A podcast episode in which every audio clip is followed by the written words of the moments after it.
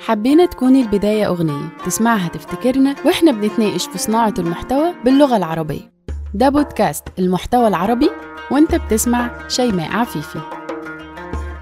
بعد ما ذاكرت أساسيات التسويق اللي اتفقنا عليها الحلقة اللي فاتت عملت بقى كوباية الشاي الحلوة وقلت أخد نظرة سريعة كده على الصفحة اللي هشتغل عليها. مش عارفة أوصفلك شعوري دلوقتي يا شيماء متحمسة بس خايفة جدا ومشتتة. غرقانة في كل المعلومات والتفاصيل اللي أنا استلمتها من العميل ومش عارفة أبدأ منين مش عارفة أجيب أفكار محتوى منين إزاي أفكر صح وإزاي أختار الفكرة المناسبة ليا من ضمن أفكار كتيرة قدامي. الوقت بيعدي والديدلاين بيقرب وأنا لسه واقفة مكاني.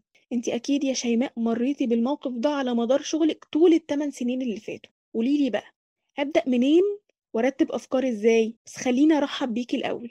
إزيك يا شيماء؟ إزيك يا أسماء؟ عاملة إيه؟ أنا مبسوطة إن أنا معاكي النهارده جدا. إن شاء الله نخلص كل المشاكل اللي عندك دي. وأنا مبسوطة أكتر إن أنا معاكي. الحقيني بقى. أنا دلوقتي معايا عميل طالب محتوى ومش عارفة أبدأ منين. خلينا نتفق إن القلق والتوتر ده طبيعي بالذات مع أول عميل بنشتغل معاه. الفرحة المختلطة بالتوتر والقلق إن أنا معرفش أشتغل أو إن أنا مش عارفة إيه الخطوات اللي أمشي عليها ده طبيعي جدا. ولكن مش معنى إن هو طبيعي إن إحنا نسيبه يبوظ علينا شغلنا. التوتر منبه كويس إن هو يعرفنا إن إحنا محتاجين ناخد action ال action هنا إن إحنا نهدى ونحاول إن إحنا نرتب أفكارنا واحدة واحدة. لأن طول ما انت متوترة طول ما الوقت اللي انت بتاخديه علشان تخلصي ال task بيتضرب في اتنين. وقت توتر ووقت إن انت عايزة تخلصي ال task فأول حاجة محتاجين نهدى خالص ونفكر على مهلنا هنعمل إيه. طيب انت دلوقتي مبروك بقى معاكي أول عميل. عايزة أعرف بقى أشتغل على العميل ده إزاي؟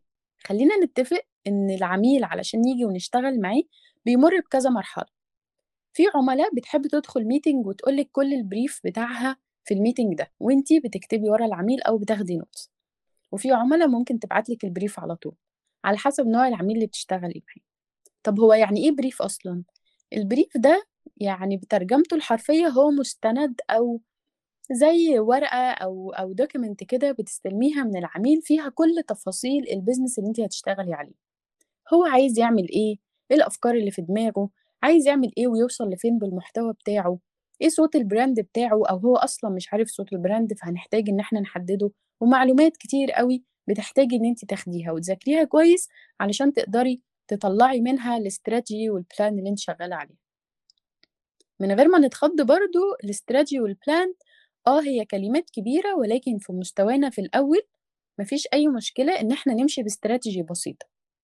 طيب خلينا نفرق الأول إيه الفرق ما بين ال strategy وال plan ال strategy دي الحاجة اللي على المدى البعيد اللي هتقول لنا إحنا عايزين نحقق شوية أهداف على المدى البعيد.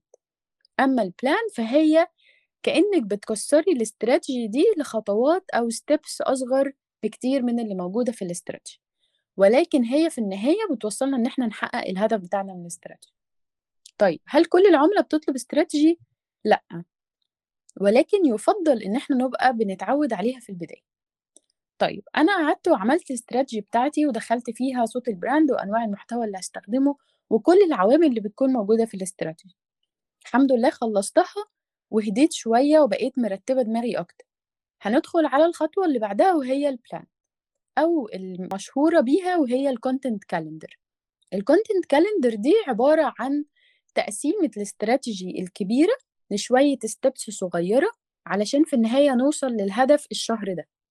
فهي بتكون شهرية أو على مستوى الشهر. طيب أنا دلوقتي اتفقت مع العميل إن هو عايز ناس تعرف ال brand بتاعته يعني داخل بمرحلة awareness. فأنا محتاج إن أنا أكتب محتوى يخلي الناس تعرفه. فببدأ أقسم المحتوى بتاعي بأنواعه في ال calendar دي واحد ورا التاني ورا التالت لحد ما بخلص كل عدد ال post ات اللي إحنا متفقين عليه. خلصنا ال plan خلاص يبقى أنا كده الدنيا اترتبت عندي يكاد يكون مية في المية. فاضل إيه؟ فاضل إن أنا أبدأ أدور على الأفكار. أنا حددت الموضوع اللي هتكلم عنه في أول post بس لسه مش عارفة هعبر عنه بأي فكرة. هعمله design ولا هحكي قصة ولا هعمل سكريبت هعمل إيه بالظبط ومن هنا بنبدأ ندور على الأفكار علشان نقدر إن إحنا نعبر عنها في محتوى خلصتي كل المراحل دي ممكن تهدي خالص وتبدأي بقى إن إنتي تدخلي في مرحلة الكتاب طب حلو أنا دلوقتي عرفت يعني إيه brief وstrategy وplan وعرفت أستفيد من كل حاجة فيهم إزاي. أنا بقى سمعت عن حاجة اسمها تحليل المنافسين، يعني إيه يا شيماء؟ حلو أوي. تحليل المنافسين ده هتلاقيه مصطلح موجود تقريبًا في كل أنواع الأعمال اللي حوالينا. فعلشان نعمل تحليل منافسين محتاجين الأول نفهم يعني إيه منافسين أصلًا. المنافس ده هو الشخص اللي بيتنافس معايا على نفس الحاجة، بمنتهى البساطة. إيه نفس الحاجة اللي إحنا بنتنافس عليها؟ الجمهور. طيب أنا دلوقتي حد بيتنافس معايا على نفس الحاجة، فأنا محتاجة أبُص عليه، أشوفه بيعمل إيه، إيه الحاجات الناجحة اللي هو بيعملها، إيه الحاجات اللي بيعملها وبتبقى غلط. فمحتاج أبُص على نقط القوة والضعف والفُرَص والتهديدات اللي عنده علشان أتعلم منها، وأبدأ إن أنا الحاجات اللي هو بيعملها وناجحة معاه أتعلم منها وأعمل حاجات شبهها. الحاجات اللي بيعملها ومش جايبة مع الجمهور أو الجمهور ما بيحبهاش وما بيفضّلهاش، ما أعملهاش أبدًا. طيب إيه الفُرَص اللي عنده ممكن تخلّيه يتفوّق عليّا؟ إيه التهديدات اللي ممكن من من خلالها يخسر الbusiness بتاعه أو يخسر شوية من الجمهور وأنا ممكن أكسبهم؟ ال4 حاجات اللي أنا قُلتهم دول بيبقوا موجودين في model مشهور أوي اسمه الSWOT analysis. الSWOT analysis هو اللي بيخلّيني أحلّل المنافس بتاعي علشان أقدر آخُد بعد التحليل ده شوية actions أو ردود فعل تخلّيني أmove forward أو آآ أنجّح الbusiness بتاعي على المدى البعيد. حلو. أنا دلوقتي عرفت إن لازم أبُص على المنافسين بتوعي، ممكن تساعديني وتقولي لي إيه النُقط الأساسية اللي أخلّي بالي منها وأنا باحلّل المحتوى بتاعهم؟ ده سؤال حلو أوي ومهم جدًا. طيب أنا دلوقتي حلّلت المنافسين وبدأت آخُد actions على التحليل اللي أنا طلّعته ده. كمحتوى بقى أعمل إيه أو إيه اللي أنا محتاجة أبُص عليه قبل ما أبدأ أشتغل على المحتوى بتاعي؟ أول حاجة محتاجة أفتح ال page بتاعة خلّينا نقول مثلًا أول حاجة خلّينا نقول إن إحنا عندنا 2 منافسين، فأنا هاجيب ال social media بتاعتهم أو ال website على حسب نوع المحتوى اللي أنا هاعمله وأبدأ أبُص على المحتوى اللي هم بيعملوه. بيستخدموا أنواع محتوى إيه؟ هل بيستخدموا ال videos مثلًا أكتر حاجة والّا بيستخدموا صور حقيقية كتير والّا مثلًا من وقت للتاني بيطلعوا live فال live ده بيفرق أوي والّا بيكتبوا posts طويلة جدًا فالناس مش بتتفاعل معاها؟ إنِّك تبُصّي على أنواع المحتوى المختلفة وتشوفي الجمهور بيتفاعل مع كل نوع إزاي، ده هيفرق معاكِ جدًا. فلنفترض إن أنتِ دلوقتي حلّلتِ المنافسين بتوعِك ولقيتِ إن نوع ال videos هو أكتر نوع الناس بتتفاعل معاه. معنى كده إيه؟ معنى كده إن أنا محتاجة في الخطة بتاعتي أو في ال content calendar بتاعتي أضيف videos باستمرار، لإن أنا خلاص بالدليل القاطع عرفت إن نوع المحتوى ده بيفرق جدًا مع الجمهور بتاعي، وبالتالي أنا محتاجة أدخّله في الخطة الشهرية بتاعتي. من ضمن الحاجات برضه اللي هنبُص عليها وإحنا بنحلّل المنافسين، الطريقة بتاعتهم في الكتابة. هل ليهم طريقة معيّنة الناس بتُعجب بيها؟ طب هم بيردّوا على الناس إزاي في الcomments بتاعتهم؟ فمحتاج برضه أنا كصانع محتوى يبقى عندي رؤية عن الطريقة اللي الناس بتتفاعل معاهم بيها لمّا بيتكلموا بالطريقة دي، فهيبقى عندي برضه زي نظرة كده عن صوت المحتوى اللي أنا هاكتب بيه. هل بيحبوا مثلًا الطريقة الودية والّا بيحبوا الطريقة الرسمية؟ اللغة بتاعة المحتوى، هل بيكتبوا لغة فُصحى والّا عامية والّا إنجليزي والّا بيعملوا mix ما بين الاتنين؟ كل الحاجات دي هتحطِّك على أول الطريق إن أنتِ على الأقل ما تبقيش ماشية في طريق ضبابي كده، اللي هو أنا مش عارفة أنا رايحة فين وجاية منين. المنافس مش حاجة وِحشة أو حاجة بتصدّر لنا شعور سيء، إن هو بينافسني على حاجتي، لأ، المنافس بيكون مشي الطريق ده قبلي، فبالتالي أنا باقدر أتعلم منه وباقدر أتلاشى الأخطاء اللي هو وقع فيها. كل ما عرفتِ تحلّلي المحتوى كويس وكل ما شُفتِ طريقته وهو بيكتب مثلًا العناوين وهو بيكتب المقدمة وهو بيتفاعل مع الناس في الCTA، كل ما قدرتِ إن أنتِ تتعلمي من ده وتدرجيه عندِك في المحتوى بتاعِك. الألفاظ دي هنتكلم عنها بالتفصيل في مراحل الكتابة، لكن اللي يهمِّك دلوقتي إن أنتِ تعرفي أكتر عن أنواع المحتوى اللي بيستخدمها، بيتفاعل مع الجمهور بتاعه إزاي، الجمهور بيطلب منه إيه وبيتفاعل معاه إزاي، اللغة اللي بيكتب بيها، التوجه العام اللي هو ماشي بيه. ده كله هيساعدِك إن أنتِ وأنتِ بتعملي الcontent calendar بتاعتِك تطلّعي أفكار مش مختلفة أوي وبعيدة جدًا عن السوق بتاعِك ومش أفكار خاملة جدًا والناس ما بتتفاعلش معاها. حلو أوي. شايفة بقى كل الخطوات اللي أنتِ قُلتِ لي عليها دي، هاجي أعملها وهاتزنق برضه في الوقت. أنا مشكلتي إني ما باعرفش أنظّم وقتي يا شيماء، ودايمًا الوقت بيسرقني وبالاقي نفسي قدّام الdeadline ولسه ما كتبتش أي حاجة. أعمل إيه وإزاي أقسّم وقتي ما بين البحث عن الأفكار والكتابة نفسها؟ طيب، هي مشكلة تنظيم الوقت هي مشكلة أزلية ومش بس مع صُناع المحتوى، مع كل المجالات تقريبًا، وفي ظل التشتت اللي إحنا عايشين فيه دلوقتي فتنظيم الوقت بقى أصعب بكتير جدا من قبل كده فعلشان تعملي ال task بتاعتك وانتي رايقة وهادية وبتقدري تطلعي الأفكار بتاعتك بهدوء والأفكار تطلع كويسة ومكتوبة كويس والتعديلات عليها تكون أقل لازم تكوني شخص بيعرف ينظم وقته طيب أنظم وقتي إزاي؟ يعني تنظيم الوقت ده تقريبا إحنا بنتعلمه من وإحنا في ابتدائي ولحد دلوقتي عندنا مشاكل فيه ولحد دلوقتي بنشوف كورسز في ال time management وإزاي تنظم وقتك طب هي إيه المشكلة أصلا؟ المشكلة إن إحنا مش عارفين إحنا بنقضي وقتنا إزاي أو ما عندناش ديتا أو معلومات كفاية عن كل دقيقة في يومنا بتعدي في إيه. فأول حاجة علشان نقدر نشوف المشكلة فين محتاجة تقعدي يعني على قد مثلا أسبوع كل يوم بتعملي تراك كده أو بتشوفي وبتسجلي الوقت بتاعك بتعديه في إيه. يعني أنا مثلا بصحى الصبح الساعة 8 من الساعة 8 للساعة 9 أنا بعمل كذا. وتحاولي كل نص ساعة تكتبي انت بتعملي إيه بالظبط حتى لو قمتي عملتي قهوة ورجعتي اكتبيها.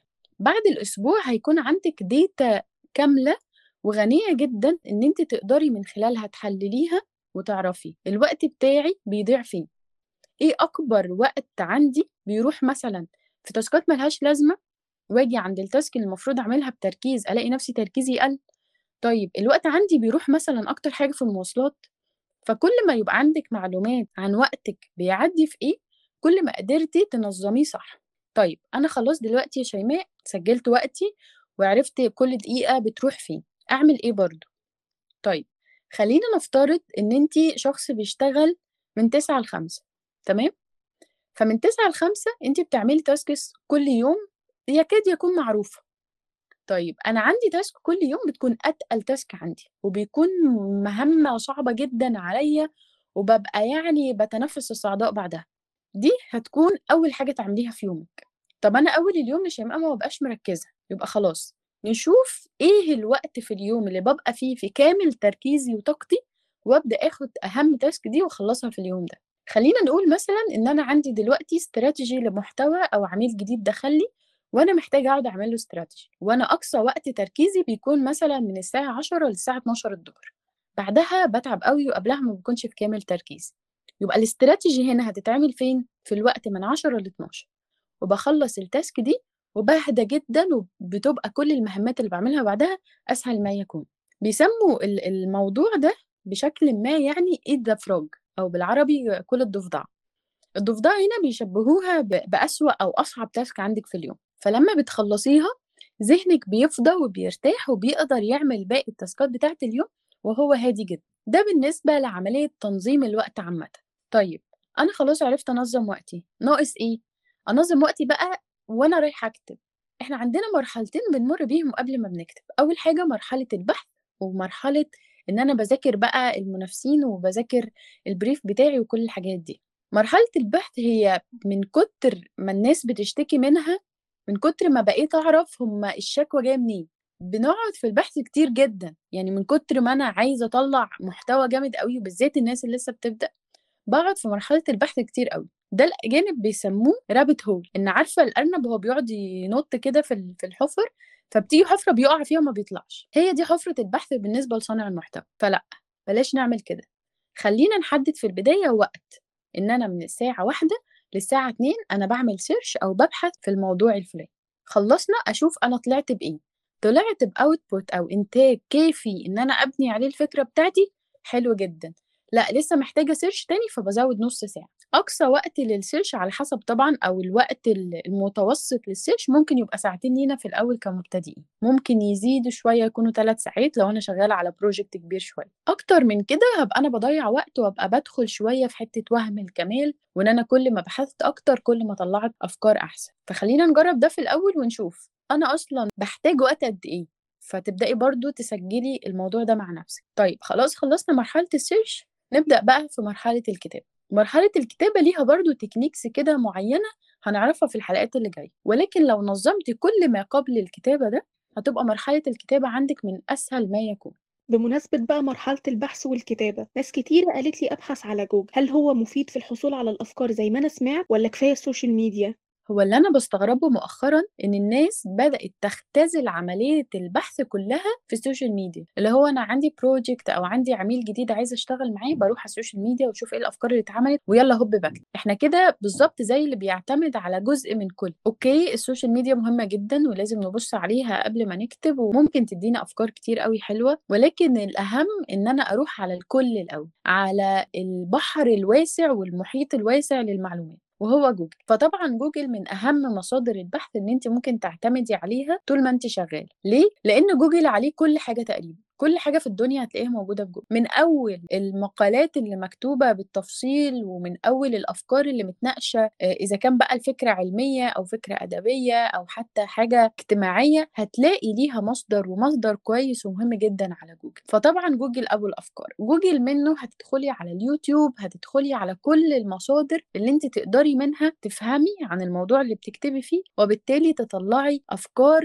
من وجهات نظر مختلفة. وإحنا هنتكلم بالتفصيل عن إزاي نجيب أفكار ده في الحلقات اللي جاية إن شاء الله. فطبعا جوجل من أهم مصادر البحث. بعده يجي ال social media بقى عشان نشوف المنافسين عملوا إيه علشان نقدر إن إحنا نطلع أفكار الناس فعلا بتحبها عشان يبقى قدامي حاجة اسمها social proof أو إثبات كده على ال social media إن الناس بتحب الفكرة دي أو ما بتحبش الفكرة دي. فطبعا جوجل من أهم مصادر البحث. ويفضل انت كمان في الأول بما إنك لسه بتبداي إن انت تدوري عليه باستفاضة وإن انت تفهمي وإن انت تقري. كمان القراءة من أهم المصادر اللي هتخليكي تعرفي تكتبي كويس. يعني أنا هفضل أقولها طول عمري صانع محتوى ما بيقرأش هو صانع محتوى عادي. ده إذا ارتقى أصلا إن هو يكون صانع محتوى. فطبعا القراءة من أهم الحاجات. وجوجل كده كده إحنا بنقرأ عليه فالقراءة هي الأساس. طب بمناسبة الأفكار يا شيماء كل لما أسأل حد إزاي أطلع أفكار يقول لي اعملي brainstorming اعملي brainstorming يعني إيه brainstorming يا شيماء؟ ويا ترى ممكن يفيدني إزاي في الحصول على الأفكار؟ طيب storming خلينا نترجمها الترجمة الحرفية برضو وهي عصف ذهن عارفة لما يقولك في عاصفة ما كده في, في بلد معينة بتعمل إيه؟ بتقلب البلد دي رأسا على عقب. هو ده فعلا اللي إحنا بنعمله في ال brainstorming إن انت بتجيبي مخك كده وعقلك وبتقعدي تفكري في الفكرة في كل حاجة. يعني أنا دلوقتي قلت إن إحنا عايزين نعمل campaign أو حملة إعلانية عن كريم مرطب فيلا يا أسماء نفكر مع بعض. خلينا نجرب مع بعض. أنا دلوقتي شايفة مثلا إحنا ممكن نعمل post مثلا عن أهمية الكريم المرطب ده قبل ما أحط ميك فانت ممكن مثلا تقولي لي فكرة إيه؟ آه ممكن مثلا نقول فكرة إن الكريم المرطب بيحمي البشرة من الجفاف فممكن نتكلم عن مشكلة الجفاف. مثلا ممكن كمان نتكلم إن الكريم المرطب ده ممكن يغنيكي أصلا إنك تحطي ميك اب فاللي إحنا بنعمله مع بعض ده اسمه brainstorming إن أنا بفكر وانت بتفكري فبالتالي كل حد فينا مستحيل تبقى الأفكار زي بعض 100% آه بتحصل إن بيكون في توارد أفكار وإن إحنا بنبقى نفس الأفكار ولكن دايما هتلاقي كل حد في ال group أو في المجموعة اللي انت قاعدة فيها بيجيب فكرة بوجهة نظر مختلفة أو من زاوية مختلفة انت ما فكرتيش فيها. فال brainstorming ده أهمية. طيب بيتعمل إزاي ال brainstorming ده؟ خلينا نقول إن انت كصانعه محتوى دلوقتي شغالة في شركة أو في ايجنسي أو في مكتب أو ايا يكن المكان اللي انت شغالة فيه ومعاكي فريق عمل بتشتغلوا مع بعض. فال brainstorming دي من الجلسات المقدسة أصلا. إن إحنا يا جماعة يلا هوب عندنا brainstorming فبنقعد مع بعض نعمل زي اللي أنا عملته أنا وانت دلوقتي. كل حد بيقول فكرته. طيب هل كل حد بيقول فكرته كده ونقعد نعلق على بعض؟ لأ ليه؟ لأن ال brainstorming علشان يطلع كويس وعلشان فعلا نستفيد منه بيكون ليه قواعد. القواعد دي إيه؟ إن أول حاجة بيكون في حد اسمه facilitator أو ميسر لل brainstorming ده. ال facilitator ده وظيفته يبدأ يخلي كل الناس تتكلم يخلي كل الناس تقول الأفكار اللي جواها. يبقى هو كمان اللي بيدون الأفكار دي لأن إحنا هنقول الأفكار ومش هندونها مش هنفتكر منها حاجة بعد ما بنخلص. فده بيكون أهمية ال brainstorming في المجموعة. طيب أنا دلوقتي شيماء مش شغالة في مجموعة أنا شغالة remotely من البيت ولكن أنا عندي فريق برضه فممكن نعمله إزاي؟ ممكن نعمله إن إحنا يلا يا جماعة ندخل meeting وندخل كلنا meeting لطيف كده ونبدأ نفكر. يظن الناس إن ال brainstorming ده هيفيدنا على مستوى ال campaign الواحدة. ولكن عن تجربتي أنا الشخصية إن إحنا لما كنا بنعمل brainstorming كنا بنطلع بأفكار ل campaign والتانية والتالتة وكل ده بيتسجل وبيفيدنا بعدين. فممكن جلسة واحدة في ال brainstorming تبقى هي المنقذ لينا كلنا. إن إحنا بنوفر على نفسنا وقت إن كل واحد يفكر في وادي لوحده ونرجع نجتمع تاني علشان نشوف أفكار بتاعتنا. طيب ده بالنسبة لحد شغال remotely طيب لو حد شغال لوحده أنا مثلا معايا account زي مثلا الحالة بتاعتك معاكي دلوقتي عميل وعايزة تشتغلي عليه ومعكيش أي حد. ال brainstorming هنا بيساوي مرحلة البحث. بتعملي إيه؟ بتدخلي على جوجل. كل ما بتدخلي في موقع بتلاقي فكرة صح؟ صح كده. بتكتبي الفكرة دي وتدخلي على موقع تاني تلاقي فكرة تدخلي على اليوتيوب تبدأي آه، تسمعي آه، مثلا محاضرة فتجيب لك فكرة وتدخلي على بنترست فتلاقي design حلو قوي فيديكي فكرة. كل الأفكار دي بتكتبيها ورا بعض. كمان من قواعد ال brainstorming سواء في مجموعة أو انت شغالة لوحدك إن محدش بيعلق على فكرة حد. لأن أنا لو علقت على فكرتك أو انت علقتي على فكرتي هيحصل نوع من ممكن نسميه إحباط أو limitation أو قيود كده حوالين الفكرة. فال brainstorming بيخلص أسرع والموضوع مش بيدينا ال- الناتج اللي إحنا كنا مستنيينه. فوانت برضو بتعملي search اكتبي كل الأفكار اللي بتقابلك. ما تقوليش لأ دي فكرة وحشة أو لأ دي فكرة عبيطة أو لأ مش هتنفع. لأ كل الأفكار اللي بنقولها واللي بنكتبها أفكار مهمة جدا وأفكار ممكن نطلع منها بفكرة حلوة قوي ممكن يبقى في فكرتين لو اندمجوا مع بعض يطلعوا لنا فكرة حلوة قوي وده أصلا مفهوم الإبداع إن أنت مش بتجيب حاجة مش لسه ما حصلتش لأ هي بتبقى حاجات already موجودة وأنت بتجمعهم مع بعض وبتطلع بيهم فكرة مبدعة جدا. وممكن أصلا ال brainstorming كله ده ياخدنا لفكرة وتوجه ثالث خالص. فطبعا ال brainstorming من أهم المصادر اللي هتخليكي تطلعي أفكار بالذات في بداية شغلك لأن كل ما اشتغلتي مع group أو اشتغلتي مع نفسك وتعودتي إن انت تطلعي أفكار كتير كل ما انت تخلصتي أصلا من كل المشاكل اللي إحنا بنشوفها دلوقتي زي writer's block وإن أنا ما عنديش أفكار وإن أنا مش قادر أفكر والحاجات دي كلها. كمان من من الحاجات المهمة جدا إن عشان انت ما تخلصيش من الأفكار ودايما يبقى عندك أفكار إن يكون عندك تغذية بصرية. دايما بتغذي نفسك. في ناس أول لما بتسمع المصطلح ده بتفتكر إن هو للمصممين أو لل graphic designers بس. بالعكس التغذية البصرية دي لكل الناس لكل الناس اللي شغالة في المجال الإبداعي. وعلشان تعرفي تفاصيل عنها أكتر ممكن تشوفي المقال اللي مكتوب عندنا في البلوج هيفرق معاكي جدا. بس أنا بحس إن أفكاري تقليدية واتعملت كتير قوي يا شيماء وبدأت أحس إني مش شاطرة ومنفعش في المجال ده. أعمل إيه؟ ما كنتش أتمنى إن بعد كل الإجابات دي يوصلك الشعور ده. بس خلينا نتفق إن ده برضو شعور طبيعي جدا لحد لسه في الأول ولحد لسه بي بيخطو خطواته الأولى في المجال. طبيعي إن أنا أحس إن أفكاري اتعملت قبل كده وعلى فكرة ده بتحصل بتحصل حتى لناس متقدمين. ممكن يبقى حد عمل فكرة وتلاقي في بلد تانية اتعملت نفس الفكرة بالظبط فده طبيعي. بس ده ما تخليهوش يحبطك ويخليكي آه، تقولي أنا خلاص ما انفعش في المجال وكده. لأ ده ممكن يبقى البداية ليكي إن انت طول ما انت بتدوري وطول ما انت بتشتغلي على نفسك وطول ما انت بتقرأي وطول ما بتغذي نفسك طول ما الأفكار عندك هتفضل تقوى وتبقى إبداعية باستمرار. مفيش مشكلة لو الفكرة الأولى اللي إحنا عملناها حسينا إن هي تقليدية. عادي الفكرة التانية هتبقى أحسن والتالتة هتبقى أحسن. كل ما يجيلنا فيدباك أو رد فعل معين عن فكرة معينة إحنا عملناها وبدأنا إن إحنا نحسن من نفسنا طول ما الأداء بتاعنا هيبقى فيه تحسن وتطور باستمرار. لكن لو أحبطت وقلت خلاص أنا ما بعرفش أطلع أفكار أنا فكرتي مش أحسن حاجة أنا خلاص بقى هسيب المجال ده وما ينفعش. وللأسف ناس كتير بتعمل كده بمجرد دخولها المجال يعني شهرين ثلاثة يقولك لأ أنا مش نافع في المجال ده فأنا هسيب المجال. وبيبقى ده حاجة طبيعية جدا وده بيحصل في أي مجال في الدنيا بندخله. حتى انت لو فكرتي مع نفسك هتلاقي لو انت بتفكري مثلا تعملي رياضة وبدأتي خلاص تنزلي الجيم فهتلاقي نفسك مش ملتزمة في الأول وتبدأي بقى تحبطي وتقولي لأ خلاص مش هروح الجيم تاني. لأ طبيعي دي مقاومة طبيعية في الأول. فواحدة واحدة هتبدأي إن انت تتمرسي في الموضوع وتبدأ أفكارك تكون قوية وحلوة جدا. شكرا يا شيماء. أنا دلوقتي بقيت أهدى بكتير. حاسة إن دماغي اترتبت أكتر وعرفت خطوات الجاي عرفت كمان إزاي أطلع أفكار وأنظمها كويس. واتعلمت إن قبل ما أمسك القلم وأكتب في خطوات كتيرة مهمة أعملها الأول علشان أطلع محتوى قوي. أنا دلوقتي هبتدي بقى المرحلة اللي بعدها مرحلة الكتابة. بس يا ترى إزاي اعدي المرحلة دي بنجاح والمحتوى بتاعي يطلع للنور؟ ده اللي هنعرفه في الحلقة الجاية إن شاء الله. هنتكلم عن مرحلة الكتابة بالتفصيل وكل المراحل اللي بنمر بيها وإحنا بنكتب علشان في الآخر تطلعي محتوى أنت راضية عنه والجمهور كمان بيشجعه. متحمسة جدا للحلقة الجاية. وأنا كمان. شكرا ليكي يا أسماء. شكرا ليك أنت يا شيماء. مناقشة النهاردة مش مناقشة عادية. أكيد وضحت لك معلومة كانت مستخبية. قول لنا اتعلمت إيه من حلقة النهاردة؟ وما تنساش تعتز بلغتك العربية.